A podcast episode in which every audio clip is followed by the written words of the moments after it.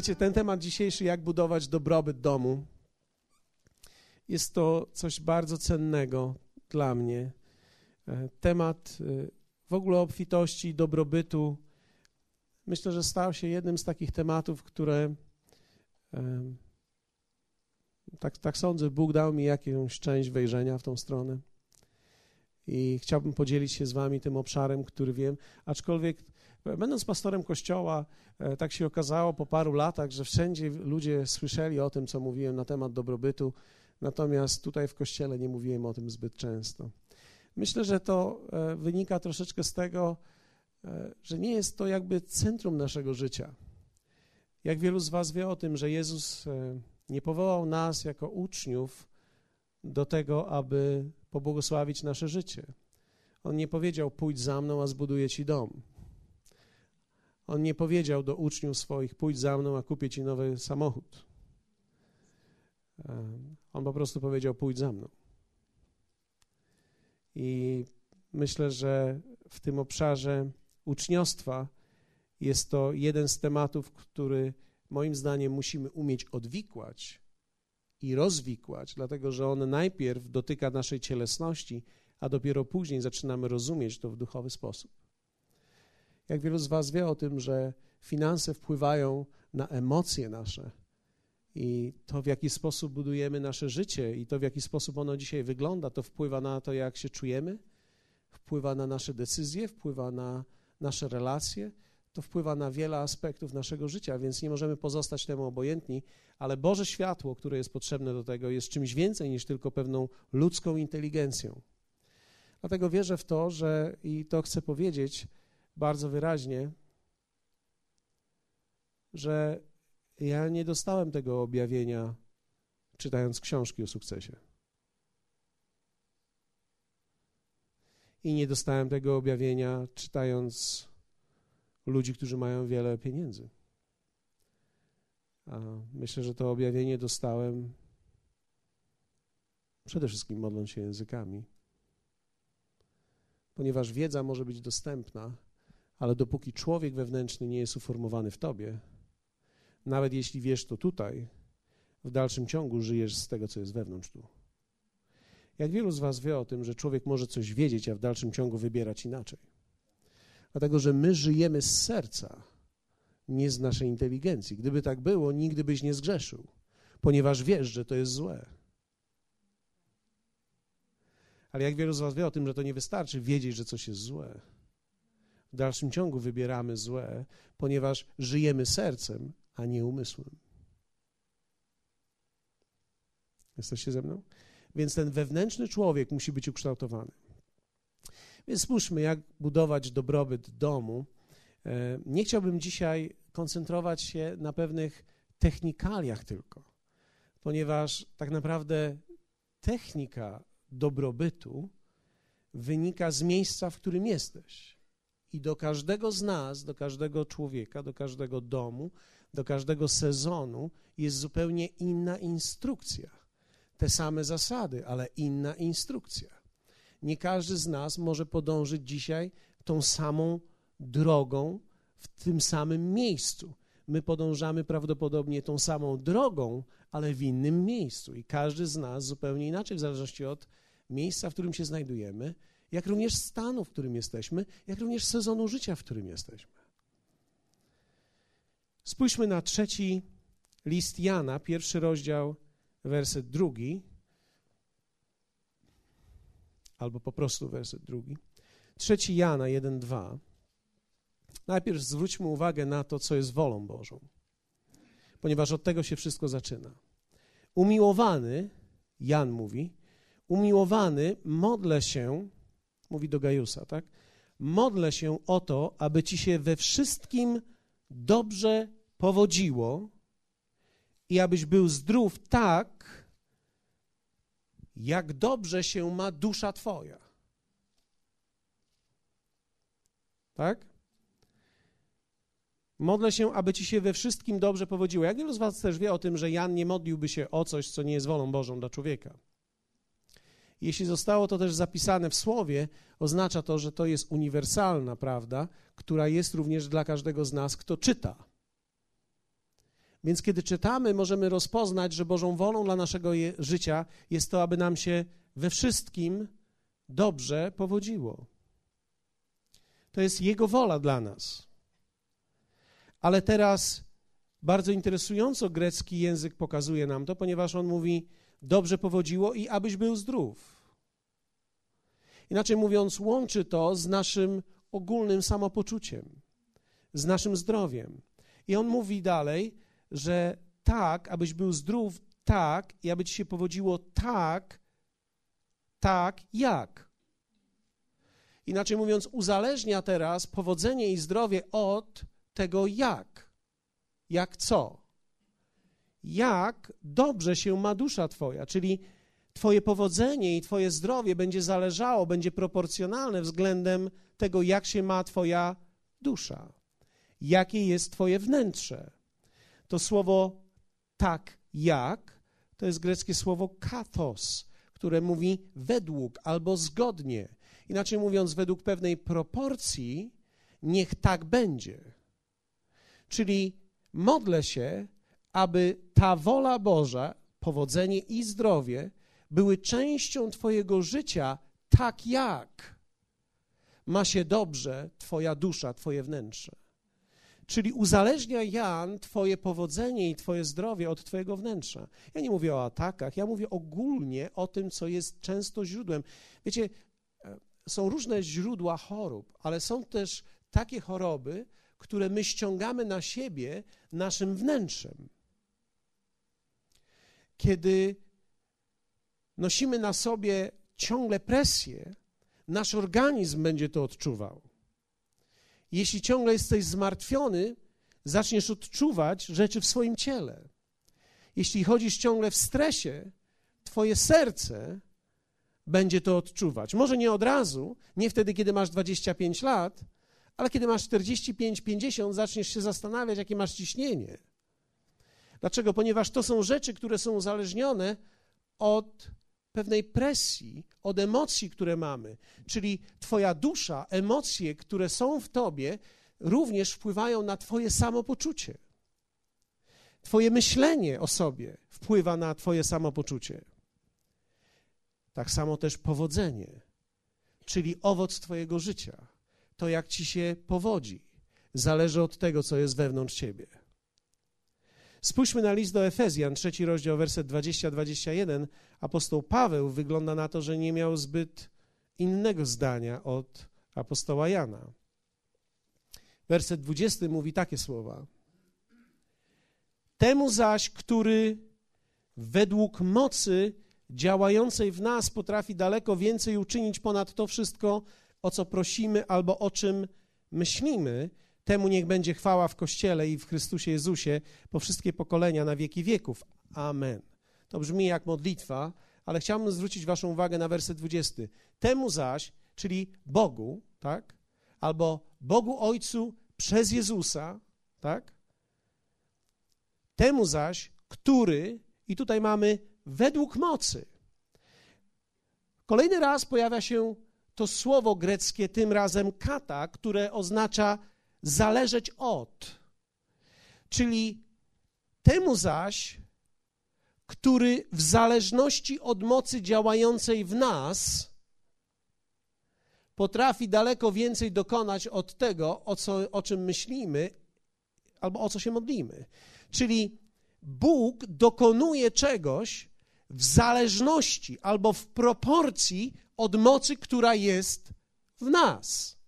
I ktoś może powiedzieć, prawdopodobnie jest tu mowa o mocy Ducha Świętego. Nie tak bardzo, ponieważ gdyby tak było, to ten fragment nie mówiłby o zależności bo Bóg Ojciec nie uzależniałby tylko i wyłącznie swojego działania od mocy Ducha Świętego, bo ona jest wszechmocna, ponieważ to jest Bóg Ojciec, który jest Bogiem, Bóg Jezus, który jest Bogiem i Bóg Duch Święty, który jest Bogiem. Inaczej mówiąc, nie uzależniałby mocy swojej od siebie samego i swojego działania od siebie samego. Tutaj jest mowa temu zaś, który według mocy działającej w nas, czyli ta moc jest w nas działająca i my ją dostarczamy, my kształtujemy w sobie moc, to jest moc ducha, to jest również moc duszy. To jest jak silny jesteś duchowo i jak silna jest Twoja dusza. Stajesz się silny duchowo przez objawienie Boże. Stajesz się silny duchowo przez właściwą percepcję Bożą, widzenie Boże. Stajesz się silny duchowo przez mówienie innymi językami. Dlatego apostoł Paweł mówi: Ja mówię innymi językami więcej niż wy wszyscy. Wiecie, mówienie innymi językami nie jest końcówką naszego uwielbienia że jak już nie wiemy, co mamy mówić, to mówimy innymi językami. Mówienie innymi językami powinno być codzienną Twoją praktyką, którą czynisz w wyniku zrozumienia tego, że kiedy Ty modlisz się językami w duchu, Twój duch modli się. Inaczej mówiąc, czynisz swojego ducha mocnym. Kiedy czynisz swojego ducha mocnym, musisz również pracować nad swoim umysłem i nad swoją duszą, emocjami i wolą, aby również je uczynić mocnymi według tego słowa, aby moc, która jest w tobie, powiększała się i aby Bóg mógł działać w zależności od tej mocy. Dlatego, że Bóg będzie działał w Twoim życiu w zależności od Twojej mocy, według proporcji Twojej duchowej i proporcji siły Twojej duszy.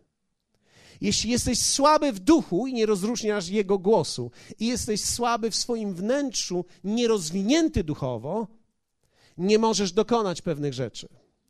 Dlatego, że objawienie Boże jest inne niż ludzkie zrozumienie i trzeba umieć je rozpoznać i trzeba umieć je wybrać. Ale również Twoja dusza musi być przemieniana przez to słowo. Dlatego widzisz, kiedy my przychodzimy tutaj w czwartki, dlaczego nazywam czwartki cudem, dlaczego wierzę w to, że ci, którzy kupują płyty i którzy kontynuują tą pracę wewnątrz siebie, czynią dobrze, ponieważ nie wystarczy w życiu coś raz usłyszeć, trzeba słuchać stale, aby przemieniać swoje wnętrze. Dlatego, że to, co robimy tutaj, to nie jest tylko, wiecie, eleganckie spotkanie, żeby kogoś z Was podnieść, ale to jest po to, aby Twój duch był wzmocniony i aby Twoja dusza, Twój umysł wszedł w Boży rodzaj intelektu, aby to, co słyszysz, nagle miało wpływ na Twoją wewnętrzną medytację, gdy idziesz do swojego domu. Dlatego, że człowiek żyje według proporcji swojej wewnętrznej medytacji. I to jest coś, co chcemy zmienić. To, co jest wewnątrz ciebie. I mam nadzieję, że to jest dokładnie to, co chcesz zmienić przychodząc tutaj. Mam nadzieję, że to jest dokładnie to, co chcesz zmienić słuchając tej płyty. Właśnie dokładnie to, wewnętrzną Twoją medytację. Wierz mi, dopóki Słowo Boże nie sięgnie Twojej wewnętrznej medytacji, gdy Ty myślisz sam, nic się w Twoim życiu nie zmieni. Hallelujah. I to zależy od siły Twojego ducha i od siły Twojej duszy. Jest pewien rodzaj mocy, którą musimy umieć dostarczyć Panu, aby mógł działać przez nas i aby mógł działać w nas. A więc niech nikt nie mówi mi, że wszystko od Boga zależy, ponieważ to nie jest prawdą. Bóg może działać przez naczynia, które są gotowe. Teraz posłuchajcie mnie. Bóg może użyć każdego, ale nie może działać przez każdego. Bycie użytym przez Boga to jest zupełnie co innego niż działanie w Bogu.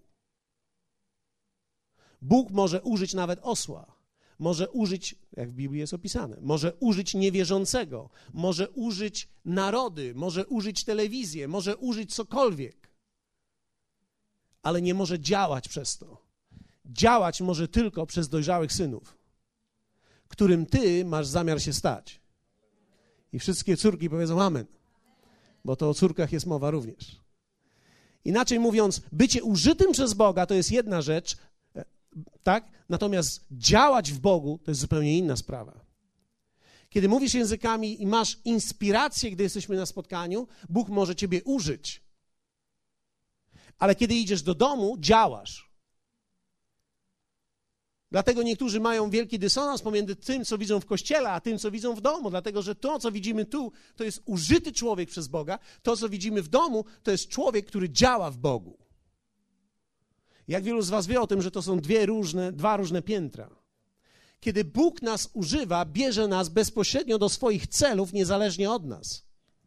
Kiedy Bóg działa przez nas, zależy Jego działanie od naszej duchowej siły i współdziałanie z Nim zależy od naszej duchowej siły i od naszej siły duszy.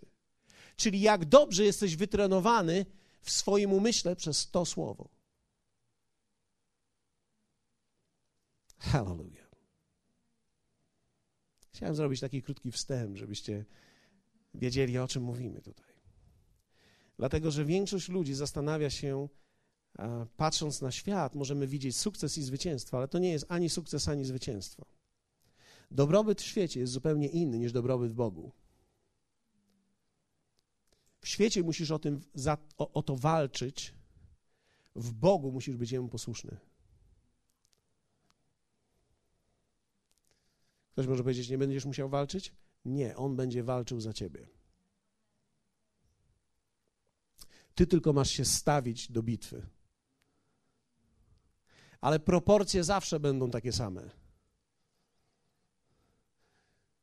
Armia Gedeona przeciwko armiom wszystkich. I Bóg jeszcze mówi, za dużo ich jest. I zredukuje cię liczebnie, żeby, żeby sprawdzić, co jest wewnątrz ciebie. Bóg czasami redukuje nas do nicości, aby zobaczyć, czy jesteśmy w stanie Jemu ufać dalej i podążać za Nim. Dlatego, że my w świecie nie walczymy o dobra. Dobra przychodzą do nas z powodu przymierza, które zostało z nami zawarte. Jeśli musisz walczyć o to, co jest dobrem świata, jesteś w nieprawidłowej walce. Dlatego Bóg uczy nas przez, nawet przez całe słowo. Jeśli komuś coś pożyczyłeś, a on nie chce ci oddać, odpuść mu.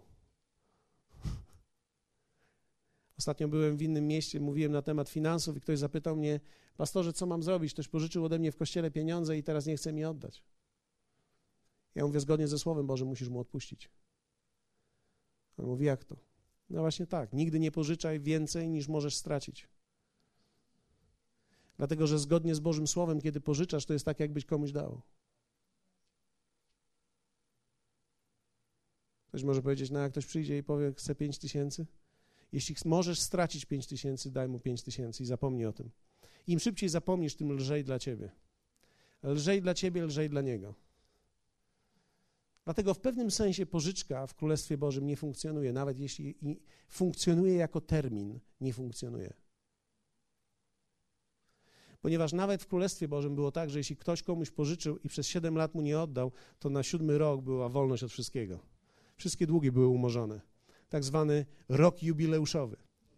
Jak wielu z Was wiedzą, wie o tym, że gdyby tak było w Polsce, wszyscy czekaliby na rok jubileuszowy. Pomyślcie sobie, jakby funkcjonowały banki, gdyby na rok jubileuszowy musiały wszystkim odpuścić. Kto z Was wziąłby wtedy kredyt na mieszkanie? Kupowalibyśmy domy, próbowali przeciągać przez 7 lat, a później hej, rok jubileuszowy. Nic się nie zmieni w Twoim domu od razu, więc od razu mówię. Po dzisiejszym spotkaniu, nie, nie, jak wrócisz do domu i sprawdzisz zasób swojego konta, nic się nie zmieni. Ale może coś się zmieni w Twojej duszy, wewnątrz Ciebie, od tego wszystko zależy i o to się modlę i wiecie, ja w to wierzę. Ja nie wierzę w to, że człowiek robi wielkie kroki od razu. Ja wierzę w to, że wielkie kroki robione są poprzez przełom małej myśli, która wewnątrz nas jest. Więc dopóki to słowo nie ma możliwości czy zdolności uchwycić ciebie i ta mała myśl w tobie nie zaskoczy, nic się nie może zmienić. Dlatego, że wierzcie mi, bez względu na to, jakbyśmy mówili o tym, intelekt używamy do tego, żeby zrozumieć treść ale ducha używamy do tego, aby pojąć prawdę. Jezus nigdy nie powiedział: Zrozumiecie treść i treść was wyzwoli. Jezus powiedział: Poznacie prawdę i prawda was wyzwoli. Inaczej mówiąc, Jezus powiedział słowo ginosko, czyli doświadczycie prawdy, czyli będziecie mieli wejrzenie duchowe i doświadczenie tej prawdy i kiedy będziecie mieli wejrzenie duchowe i doświadczenie tej prawdy, ta prawda wewnątrz was da wam wolność. Czyli niezrozumienie tekstu daje nam wolność finansową. Treningi umysłu przydają się, ale są słabe. Treningi duszy i postawy przydają się, ale są słabe. Jeszcze nie spotkałem nic mocniejszego niż Słowo Boże. Ponieważ są ludzie, którzy trenują się w sprzedaży i w dalszym ciągu są smutni wewnątrz. Można być uśmiechniętym sprzedawcą i smutnym człowiekiem.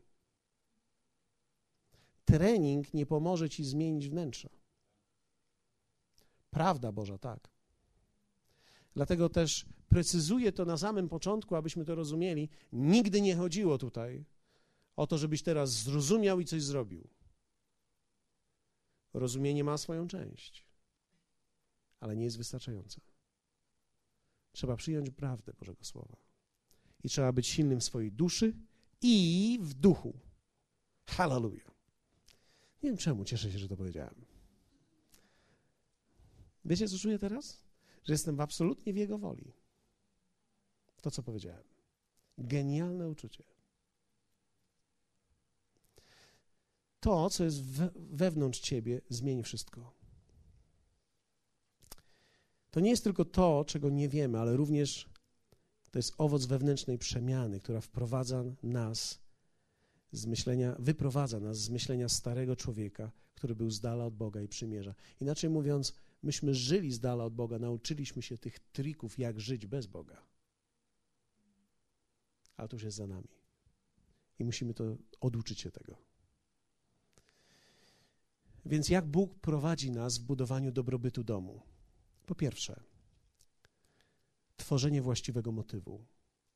Bóg będzie przez lata prowadził Ciebie, aby oczyścić Cię w motywie. Dlatego, że jedną z najważniejszych rzeczy, którą On będzie chciał od Ciebie, to jest usłyszeć wewnątrz Ciebie, dlaczego to robisz. Czystość jest podstawą. Jego wola ponad moje marzenia. Dlatego człowiek najpierw, kiedy słyszy tą prawdę, musi przejść przez lata w kryzysie. Nie miesiące, lata w kryzysie. Aby umarło w nim jego ego. I aby za, zaczął chcieć ze względu na to, co Bóg chce dla niego, a nie dlatego, że on tego tak bardzo pragnie. Inaczej mówiąc, Bóg chce doprowadzić cię do miejsca, w którym on sam wystarcza. I kiedy ci już nie zależy na niczym, tylko na tym, co on ma dla ciebie, wtedy zaczyna się. Jak długo to trwa? Dobrze, że zapytałeś mnie. Tak długo, aż cię to wykończy. Tak długo, jak idziesz do kogoś, podziwiasz coś, co on ma, i to budzi w tobie zazdrość. Prawdopodobnie to jeszcze nie jest ten moment. Tak długo, jak patrzysz na jakiś samochód, który przejeżdża i smokasz i myślisz sobie, a ten skąd to wziął?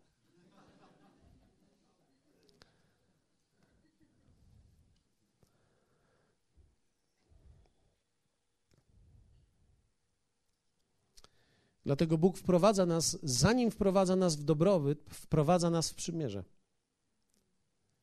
I zaczyna od wszystkiego, czego nie lubimy: dziesięcina, ofiara i jałmużna.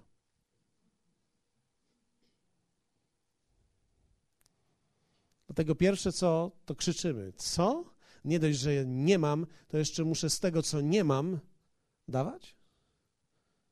Nie musisz. Taka jest odpowiedź Boża. Bóg, Bóg nigdy nie chce cię uczynić niewolnikiem. Nikt z nas nie musi dawać dziesięciny, żeby Bóg go kochał. Bóg nas kocha bez naszej dziesięciny. Ale jeśli chcesz dobrobytu, który płynie od Boga, będziesz musiał w to wejść, ponieważ nie ma innej drogi. Ostatnio podszedłem do jednego małżeństwa i zapytałem, jak wam idzie? A oni zaczęli mówić do mnie, oj źle, oj źle, oj źle. Ja mówię, no źle, rozumiem. Pozwólcie, że usiądziemy razem chwilę. I wiecie, naprawdę żal mi się ich zrobiło. Prawdziwe współczucie mnie ogarnęło i pomyślałem sobie, jak im pomóc. I wiecie, to są ludzie, którzy może nie są zamożni. Ale ja byłem w tym miejscu. Ja wiem, co to znaczy nie mieć. Wiem, co to znaczy nie mieć i musieć podejmować właściwe decyzje. Więc zadałem im pytania, słuchajcie, powiedzcie mi, jesteście już parę lat wierzącymi, jesteście wierni w dziesięcinie? Wtedy oboje swoje oczy zwrócili ku niebu. I zaczęli mówić, a nie. I wiecie, fakt jest taki, że ja, ja, ja muszę powiedzieć wprost, ja nie potrzebuję nikogo dziesięciny. Ona nic nie zmieni w moim życiu. Ona może tylko spowolnić, brak jej może spowolnić tylko pracę, którą wspólnie razem wykonujemy. No ale nie ma innego wyjścia. Jeśli chcesz zmienić coś w swoim życiu, musisz zacząć od przymierza. I Bóg wprowadza cię właśnie w kryzysie, właśnie w trudnym momencie w, w obszar przymierza. I On będzie cię obserwował, jak wierny jesteś. Jak wierny jesteś. Ktoś może powiedzieć, ale co to jest? Jest 12 zł tylko mam, dziesięciny. Dla Boga nigdy nie liczyła się kwota, tylko proporcja. Czy jesteś w stanie być wierny w proporcji? Bo nie chodzi tu o kwotę. Święte jest 12 zł ze 120, jak i 12 tysięcy ze 120 tysięcy po sprzedaży mieszkania. Powiedzmy razem Alleluja. Pójdę w to również. Liczy się również ofiara. Inaczej mówiąc, to, co robię ponad moją dziesięcinę, ponieważ do tego jestem zobligowany w przymierzu, a to jest moją wolą. I to jest piękne, ponieważ Bóg daje nam również obszar, w którym ja mogę trenować siebie. Nie tylko sprawdzić siebie, ale trenować siebie, na ile jestem w stanie mu zaufać. Ofiara odgrywa olbrzymią rolę. Są ludzie, którzy są martwi w tym obszarze. Znaczy, ja nie mam na myśli, że nie dają, ale dają zawsze. Wiecie, kiedy patrzymy często na ofiarę, to myślimy sobie tak: e, ofiara jest sumą albo iloczynem, jeśli matematycznie mielibyśmy spojrzeć na to, co jest, co wyrzuty moje sumienia, żeby były zaspokojone, żeby nie było to zagrożenie dla mojego budżetu i żeby jeszcze moja żona nic nie powiedziała. Więc to daje mi jakąś kwotę. I wtedy to jest moja kwota. I wiecie, kiedy człowiek nie gimnastykuje się w tym i nie robi pewnego rodzaju przełomu w tym obszarze, nigdy nie znajdzie się w miejscu zaufania Bogu, w którym mógłby się znaleźć. I to jest ćwiczenie, które sam sobie człowiek zadaje. To jest coś jak z bieganiem, to jest coś jak z gimnastyką, to jest coś jak z dietą. To nie jest coś, co ty musisz robić, ale dobrze, gdy robisz. I dobrze, kiedy ćwiczysz regularnie. Pamiętam któregoś dnia, jak biegałem i biegałem, biegałem, biegałem i zawsze patrzyłem do takiego człowieka, który przychodzi i biega. I wiecie, ja zawsze mówiłem, że biegam jak potężny wiatr, ale to tylko dlatego, że tak mi się wydawało. Natomiast on biegał jak potężny wiatr. Jak ja go widziałem, jak on biega, wierzcie mi, pomyślałem sobie, ten człowiek nie dotyka w ogóle ziemi. On w ogóle ziemi nie dotyka. I on tak patrzył na mnie, jak te moje 100 plus kilo biegało. I on tak któregoś dnia stanął i mówi tak, dzień dobry, widzę, że pan się stara. Ja mówię tak, aha, oczywiście, że się staram. A on mówi, wie pan co, widzę, że pan codziennie przychodzi i pan robi sobie tak trzy kółeczka. No nie jest źle. Później pan robi, prze, przechodzi pan i później pan robi sobie znowu dwa albo trzy. Ale ja mam taką propozycję dla pana. Wie pan co, od czasu do czasu dobrze będzie, jak pan sobie sam, nie jest ze względu na mnie, ale sam strzeli szóstkę. Od razu. Ja mówię, szóstkę? On mówi, nie teraz, nie teraz. Ja mówię, mówi, niech pan sobie sam wybierze. Któregoś dnia w sobotę poszedłem rano i wiecie, Kocham ten obraz. Słońce. Bieżnia tylko dla mnie. Kilka wron. Ale to żadna konkurencja. I zaczynam biegać. Pierwsze, drugie, trzecie. Wiecie, to jest moment decyzji. Nikt cię nie obserwuje. Przecież mógłbym tak stanąć i tak. Przecież zawsze chciałem trzy, powiedz. Ale ja wtedy pomyślałem sobie, nie, przełamy się. Zrobię czwarte. Zrobiłem czwarte, pomyślałem sobie, nie umarłem jeszcze. Zobaczę, czy po piątym się umiera. Nie, zacząłem biec po piąte. Nie umarłem. Zrobiłem szóste. Nie umarłem. Pomyślałem sobie, chyba zrobię rekord. Siódme. Nie umarłem. Wiecie, człowiek jak zaczyna biegać, zaczyna, po pewnym czasie zaczynasz się sam ekscytować tymi, no złapałem drugi oddech, to się chyba nazywa. Dopiero gdzieś po siedmiu kółkach złapałem siódmy, drugi oddech, nie siódmy, drugi oddech. Myślałem sobie, hej, ja mogę tak biegać w kółko. No nie tak bardzo, ale przebiegłem tego dnia dziesięć kółek. Zrobiłem 10 kółek naraz. Wracałem i chciałem biec jak Roki. Ta da ta, ta da ta, ta ta, ta ta. Matt nagrał mi tą muzykę. Ja wziąłem na uszy i tak biegłem. Oczywiście nie mam nic z tym wspólnego, ale wiecie, każdy musi mieć swojego bohatera oprócz Jezusa. Ja nie jestem skomplikowany człowiek. Ja jestem prosty człowiek. Wybrałem Rokiego. ale tak samo też jest w finansach. To są elementy, które nikt za ciebie nie zrobi. Możesz cały czas grać na tych trzech kółeczkach. Dyszka, dyszka, dyszka, dyszka. Przełom, nie przełom, zwycięstwo, nie zwycięstwo. Dyszka, dyszka, dyszka, dyszka. Aż pewnego dnia wpadniesz do głowy, że sobie, a może dzisiaj zrobię przełom? 15. Hallelujah. Wiecie, to nie chodzi o to, żeby zrobić od razu 10 kółek, tu chodzi o to, żeby coś zrobić. I, I to jest ważne w ćwiczeniu, abyś ty sam ćwiczył siebie. Ja myślę, że powinieneś postawić sobie cel w życiu. Może nigdy nad tym się nie zastanawiałeś, ale pozwól, że zadam tobie to pytanie, abyś sobie sam rozważał. Co byś chciał w życiu dać? Jaka, jaką chciałbyś, żeby twoja ofiara była największa? Realnie. Nie tak, że o, ja bym chciał dać milion dolarów. Nie, pomyśl realnie. Jaką ofiarę chciałbyś dać w swoim życiu? Największą.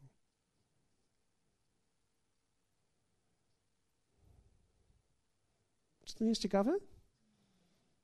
No właśnie, wszyscy zamilkli od razu. Ale to jest, to jest ciekawa myśl. Jałmużna również. Wiecie, jałmużna to nie jest wtedy, kiedy już jestem bogaty, już się spasłem i wtedy już, prawda, ze mnie dycha wychodzi z tej, stuwa z tej i tak. Ale jałmużna zaczyna się od samego początku. Czyli kiedy jestem w, sam w potrzebie, muszę uwrażliwić się na ludzi, którzy są w potrzebie. Czyli być może ja mam dzisiaj potrzebę, ale ktoś inny też ma potrzebę. Więc ja chcę być wrażliwy na potrzeby innych. I wiecie, to wcale nie oznacza, że za każdym razem, jak przechodzisz obok kogoś, kto żebrze, o jeny, dobra, idziesz dalej, wracasz z tego sklepu, on dalej siedzi, no nie mogę przejść tak, muszę znowu dać. I ponieważ mama wysłała cię tam albo żona cztery razy do sklepu, musiałaś osiem razy wrzucić. Nie.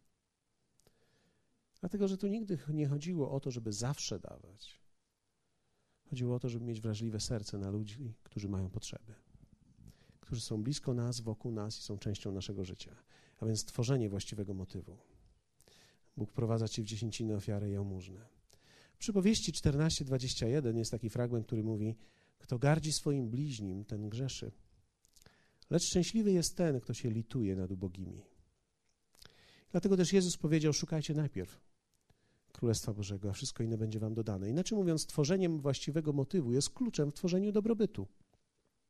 Dopóki motyw nie jest właściwy, wszystko, cokolwiek będziesz posiadał, zacznie posiadać ciebie i to ci zaszkodzi. Staniesz się arogancki i to nie będzie miłe. To będzie miłe dla ciebie, ale nie miłe dla ludzi. A w końcu skończy się tak, że oddzielisz się od ludzi, ponieważ ludzie nie lubią arogancji. Jezus nie zaprosił swoich uczniów do bogactwa, ale do jego celu.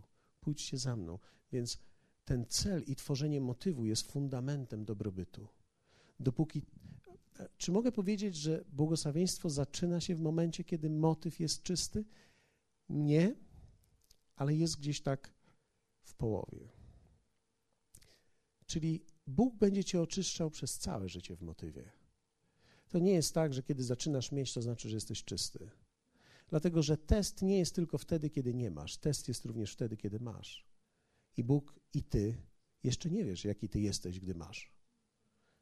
Wiesz tylko, jaki jesteś, gdy nie masz. Ale gdy masz, nie wiesz, jaki jesteś. Jesteście ze mną? Drugie. Pierwsze tworzenie właściwego motywu, drugie kształtowanie charakteru. Też możesz powiedzieć, a co to takiego? No to takie drobiazgi. Jak moralność moralność.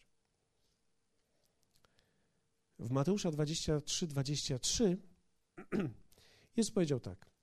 Biada wam uczeni w piśmie i faryzeusze, obłudnicy, że dajecie dziesięcinę z mięty i kopru i z kminku, a nie, zadb nie zadbaliście, a zaniedbaliście tego, co ważniejsze w zakonie, sprawiedliwości, miłosierdzia, wierności. Te rzeczy należało czynić, a tamtych nie zaniedbywać. Inaczej mówiąc, Jezus mówi tak, czym jest tak naprawdę moralność? Moralność to jest umiejętność rozróżni rozróżnienia, co jest ważne, właściwe i wielkie i co jest czyste. Dlatego, że to jest niemoralne dawać dziesięcinę z mięty. Jak wielu z was używa wiele mięty w życiu? No nawet jak pijesz herbatę miętową codziennie, czego nie polecam, bo podobno wyjaławia żołądek, ale jeśli nawet pijesz herbatę miętową, to przecież ich nie ma wielkich kopców i ona nie jest strasznie droga. Tak? A oni byli skrupulatni, dostali trochę mięty i byli skrupulatni. No dziesięcinę z mięty trzeba odprowadzić koniecznie. I to jest niemoralność. Niemoralność to jest widzieć taką rzecz, a nie, nie widzieć wielkich rzeczy. Bóg kształtuje w nas moralność, to jest przestań kombinować. Wiecie, idziemy do pracy i, i ludzie w świecie żyją jak umieją. Robią jak tylko mogą. Tak szybko, jak tylko mogą. Idziesz do pracy i, i kombinacje są w różnych miejscach. Do biura ktoś przynosi nowe długopisy, ktoś zgarnia pięć od razu, bo mu dzieci gubią. Ryza papieru, a cóż tam, moja drukarka nie ma papieru, muszę ją nakarmić. Stanąłbyś po drodze, kupił ryzę papieru sam, ale nie, w pracy jest tyle, a się marnuje. Szkoda, żeby się marnowało. Czyż to nie jest piękne? Jesteś nawet ratownikiem w tym momencie. Ty ratujesz marnowanie papieru, bierzesz go do domu. Ha? Lasy ratujesz, tak? Jesteś w ogóle ekologiem wtedy już w ogóle. Musisz dostać na do, nagrodę. Więc, więc uczymy się tej moralności. Czasami pracujemy z ludźmi, którzy nas wpychają w rzeczy, które chcą, żebyśmy zrobili. A wie pan co, jak pan przekombinuje na tym, to będzie nam obu lżej. No i teraz ty mówisz, Panie, dziękuję Ci za to błogosławieństwo. No, jest nam naprawdę obu lżej jest nam. No, nie jest tak bardzo dobrze. Moralność jest ważna. Pracowitość. Skształtowanie charakteru, pracowitość. W przypowieści 15-19 wspaniały fragment mówi tak, że droga leniwego jest jak płot kolczasty. Wyobraźcie sobie. Leniwy ma zawsze źle. Tu go szarpie. A jeszcze kroku nie zrobił. Ciężko jest tu i, i ciężko tu. Lecz ścieżka prawych jest wyrównana. Więc pracowi pracowitość. On uczy nas pracowitości. Nie wystarczy być tylko pracowitym, ale trzeba być pracowitym. Pracowitość to jest konkretnie podjęty wysiłek w celu określonym. A więc mam pewne cele i podejmuję wysiłek. Wiecie, bo chrześcijaństwo czasami tworzy marzycieli. Zbłąkane oczy. Na wpół zez uwielbienie. Halleluja. Nic nie robię, Pan mi daje. Chyba się z roboty zwolnię, będzie mi dawał dalej. Nie zwalniaj się. Lepiej nie. A więc kształtowanie charakteru, dalej, uporządkowanie. Nie można rosnąć w bałaganie. Pamiętam, kiedy zaczynałem e, jakiekolwiek seminarium finansowe albo rozmawiałem z małżeństwami, i, i którzy mieli problemy finansowe, pierwszą rzecz, którą pytałem pokażcie mi swój budżet. Pamiętam, jak jedno małżeństwo przyszło do mnie z budżetem i oni zaczynali mi tłumaczyć, co te wszystkie punkty oznaczają, się pokłócili w trakcie. Ja tak stanąłem z boku, patrzę, oni się kłócą. To to nie jest to było, to było to. Nie, przecież ty płacisz to z tego. Ja nie... Wiecie, oni sami nie wiedzieli, co oni robią. Więc ja mówiłem, no i okej, w porządku, daję wam tydzień, uporządkujcie to, wymyślcie to, dlaczego coś robicie i przyjdźcie do mnie z jeszcze jedną listą. Przyszli do mnie z listą, mówią tak, teraz rozumiemy. I zaczęli porządkować. Biznes, dom, wypłaty, takie mamy rachunki i nagle się okazało, że myśmy w życiu nie wiedzieli, że my tyle rachunków mamy. Wiecie, dobrze jest mieć dzień objawienia. To jest nieprawdopodobne, jak czasami pytam, jak ludzie mówią, o, my mamy straszne długi. Jakie? No straszne. znaczy, boisz się policzyć i takie są straszne, czy w ogóle straszne są, bo są duże, bo wiesz ile? Większość ludzi boi się policzyć, więc są straszne. Więc kiedy mówią, jakie masz długi straszne, to już wiemy, o czym mówimy. Dlatego, że nic nie jest straszne, gdy można to zmierzyć.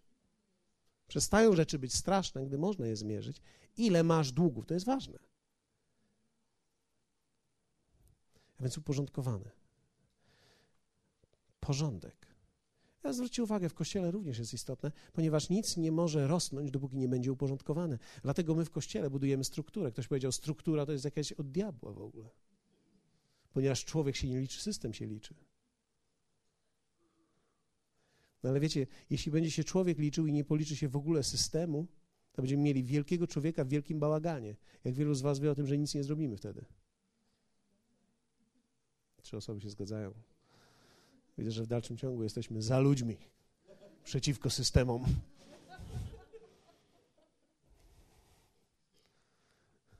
Nam się wydaje, że, że system wymyślił diabeł, żeby gnębić wolnego człowieka. Tymczasem system wymyślił Bóg, który umieścił ograniczenia dla każdego, kto chce być wolny, żeby wiedział, w jakim obszarze się porusza. Gdy człowiek nie ma granic, nie wie, dokąd zmierza. Musimy mieć granice w każdym obszarze. A więc uporządkowanie. Lojalność to jest wszystko w kształtowaniu charakteru. Co to jest lojalność? Lojalność to jest nawigowanie emocji. Pieniądze generują emocje i lojalność względem zasad, nawet pod wpływem emocji, jest kluczem. Lojalność. Prawdziwa lojalność. Pamiętam, jak rozmawialiśmy czasami o lojalności względem ludzi. Lojalność względem człowieka oznacza, ja chcę jego dobra, nawet jeśli to go boli. Jeśli jestem prawdziwie lojalnym przyjacielem, to powiem ci, że za tobą płynie rekin, że chcecie zjeść. To może być nazywać się inaczej, wielkie twoje ego. Ale to jest rekin. Jak wielu z was wie o tym, że wielkie ego może to być rekin, który płynie za tobą, widać jego płetwę, on coraz szybciej jest i chcecie chlasnąć. I jeśli ktoś jest przyjacielem takiego człowieka i nie ostrzeżesz go, to ty nie jesteś jego przyjacielem. Jesteś bardziej lojalny względem rekina niż względem swojego własnego przyjaciela.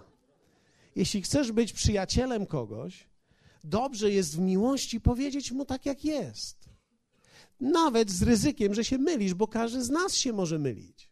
Ale jeśli się mylisz, to znaczy, że prawdopodobnie rekin płynie za tobą i lepiej jest o tym wiedzieć. Wiecie, jeśli ja jestem w totalnym błędzie, też chciałbym się dowiedzieć, bo jeśli się nie dowiem i nie zaryzykuję, to ten rekin płynący za mną, hallelujah. Tu, tu, tu, tu, tu, tu, tu, tu, tu, tu, tu. Ja znam wszystkie melodie, bo oglądałem dużo filmów. Okay. I ostatnie, trzecie, przyjmowanie mądrości. To jest oczywiście krótkie, bo wszyscy jesteście mądrzy zgodnie ze Słowem Bożym. Ja również e, robimy, co możemy, ale e, przyjmowanie mądrości to jest zdolność słuchania. Możecie krótko, szybko zapisać, jeśli ktoś z was, jeśli ktoś z was nie zapisuje, może sobie kupić płytę, a jeśli ktoś z was słucha tej płyty, będzie musiał ją łączyć jeszcze raz. Więc zdolność słuchania, zdolność przyjmowania korekty. O-o. Przypowieści 15-12 mówią tak, szyderca nie lubi tego, kto go napomina. Szyderca to jest, to jest człowiek, który lekceważy. Szydzi sobie. Nie lubi tego, kto go napomina. Czyli w tym wypadku mnie, jeśli porozmawiamy. Pamiętam, jak któregoś dnia z kimś porozmawiałem i ten ktoś mówił, ale pastor mi dołożył. Ja jeszcze nie wyciągnąłem lufy. Jeszcze nie wyciągnąłem pistoletu. Ja tylko z tobą rozmawiałem. Pastor mi dołożył. Nie. Ale rozumiem te emocje. Kiedy słyszymy prawdę i nie jesteśmy po jej stronie, musi nam minąć po prostu. Powiedz sąsiadowi, musi ci minąć. Emocje, emocje odgrywają w tym rolę. To jest zdolność przyjmowania korekty, tak? Powiedziałem zdolność słuchania już? Zdolność słuchania, zdolność przyjmowania korekty, więc parę rzeczy w mądrości jest, one są malutkie, ale zwróćcie uwagę jeszcze, zdolność korygowania działań. Więc kiedy płynę źle, nie mów, Pan moim pasterzem, nie brak mi niczego. Kiedy widzisz dwie lampy i one, siedzisz na torach, a one jadą na ciebie, nie mów, to jest prawdopodobnie drezyna na jednych szynach i na drugich szynach, jakoś mi nie minie, bo może tak nie być. To prawdopodobnie jest pociąg, zejdź stamtąd, nie stój na tym. Zdolność korygowania działa. Niektórzy ludzie wejdą w coś, robią coś pół roku, ktoś przyjdzie i mówi, to nie jest dobrze. Oni mówią, jak to nie? Ja w to wierzę. Wiecie, wiara w coś jest słuszna tylko wtedy, gdy jest to sensowne, gdy to działa. Więc trzeba umiejętnie korygować nasze działania. Trzeba korygować działania. Ktoś powiedział, że szczytem jest iluzji, kiedy człowiek robi ciągle tą samą rzecz, myśli, że będzie miał inne rezultaty. Zdolność do praktycznego zastosowania prawdy. To jest też zdolność. Bartek, jeszcze chwilę. Przypowieści 14:14. 14, przypowieści 14:14 14 mówią tak: Serce przewrotne zadawala się swoimi zabiegami. Serce dobre dopiero swoimi uczynkami. Czyli człowiek, który w środku jest lekko skręcony jak frytka w McDonaldzie,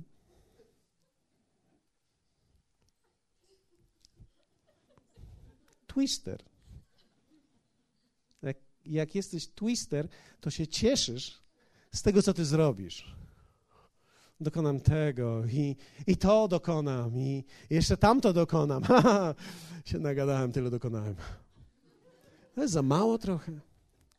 To jest za mało trochę. Szczególnie mężczyźni, kiedy opowiadacie swoim żonom, jak dobrze im będzie i jak wielkie rzeczy są przed nimi. Wiecie, kobiety mają zdolność do tego, aby nas wprowadzić na Ziemię, aby nasz statek kosmiczny wylądował.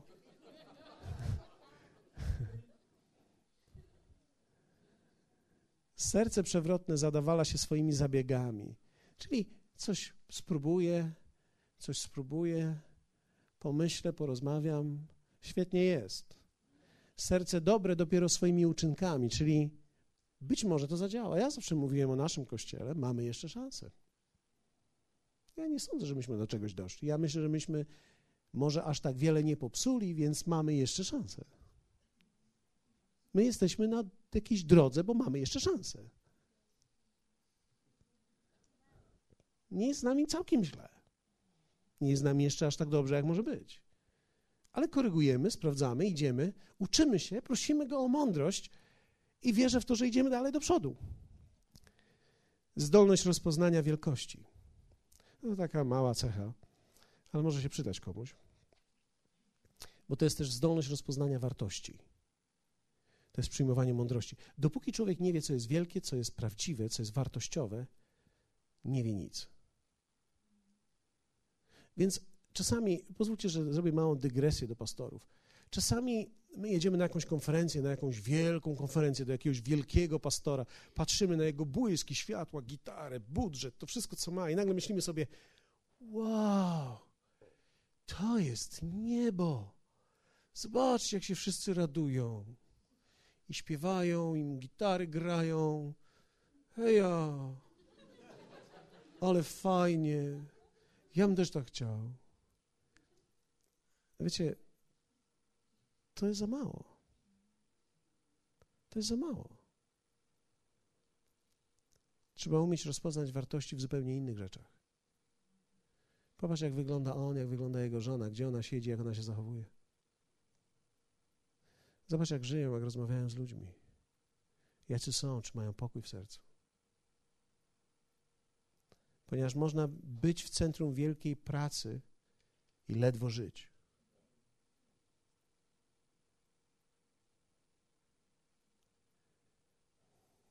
A więc co jest prawdziwą wartością? Musimy umieć to kształtować w nas. Jak wielu z Was wie o tym, że my, większość z nas, kiedy zaczynamy, my nie wiemy, co jest prawdziwą wartością. Zdolność rozpoznania wielkości wartości. Dalej, umiejętność okazania szacunku. Dlatego, że cokolwiek szanujesz, przyciągasz. Nie przyciągasz to, czego co, co kochasz. Przyciągasz tylko to, co szanujesz. Dlatego można kochać i odpychać.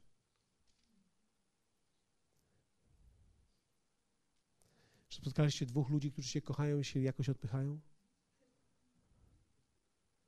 Dziwne, prawda? Dlatego, że człowiek tylko przyciąga to, co szanuje. Można szanować, nie kochając i w dalszym ciągu przyciągać. Można kochać, nie szanować i odpychać. Przypowieści 14:6 mówią tak: Szyderca nadaremnie szuka mądrości, lecz dla roztropnego poznanie jest rzeczą łatwą. Można kochać pieniądze, ale można ich nie szanować. Niektórzy ludzie mówią: Nie zależy mi na pieniądzach. To niedobrze. Powinno ci zależeć. Powinno ci właściwie zależeć i nie powinieneś ich nigdy pokochać. Dlatego, że jeśli nie zależy ci na pieniądzach, nie zależy ci na życiu, ani swoim, ani życiu innych, ani twoich bliskich. Trzeba umieć chcieć właściwie i kochać to, co jest godne kochania. Biblia nigdy nie mówiła, że pieniądze są złem. Mówiła, że miłość do pieniędzy jest czymś złym.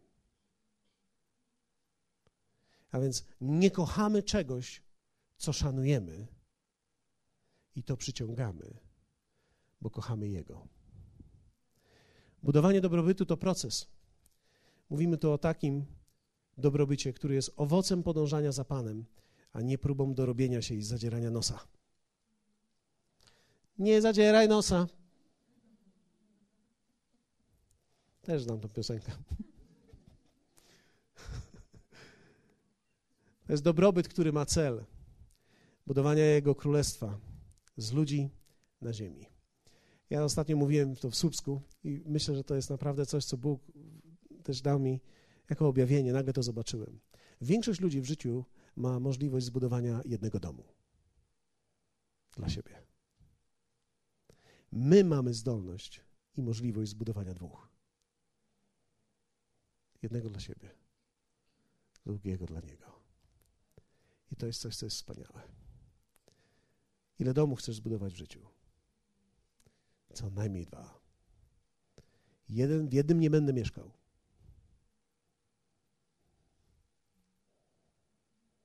Ale będzie wielu mogło mieszkać w nim. Hallelujah. Powstańmy razem. Ojcze, dziękuję Ci za Twoją dobroć i Twoją obfitość, którą masz dla każdego z nas.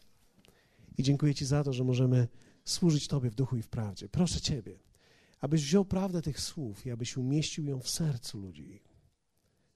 Proszę Ciebie, aby dobrobyt nie stał się pożądaniem naszych serc, ale rozpoznaniem Twojej woli dla naszego życia. Aby nas błogosławić, abyśmy mogli stać się błogosławieństwem dla innych. Abyśmy mogli dzielić się i dawać. Abyśmy mogli służyć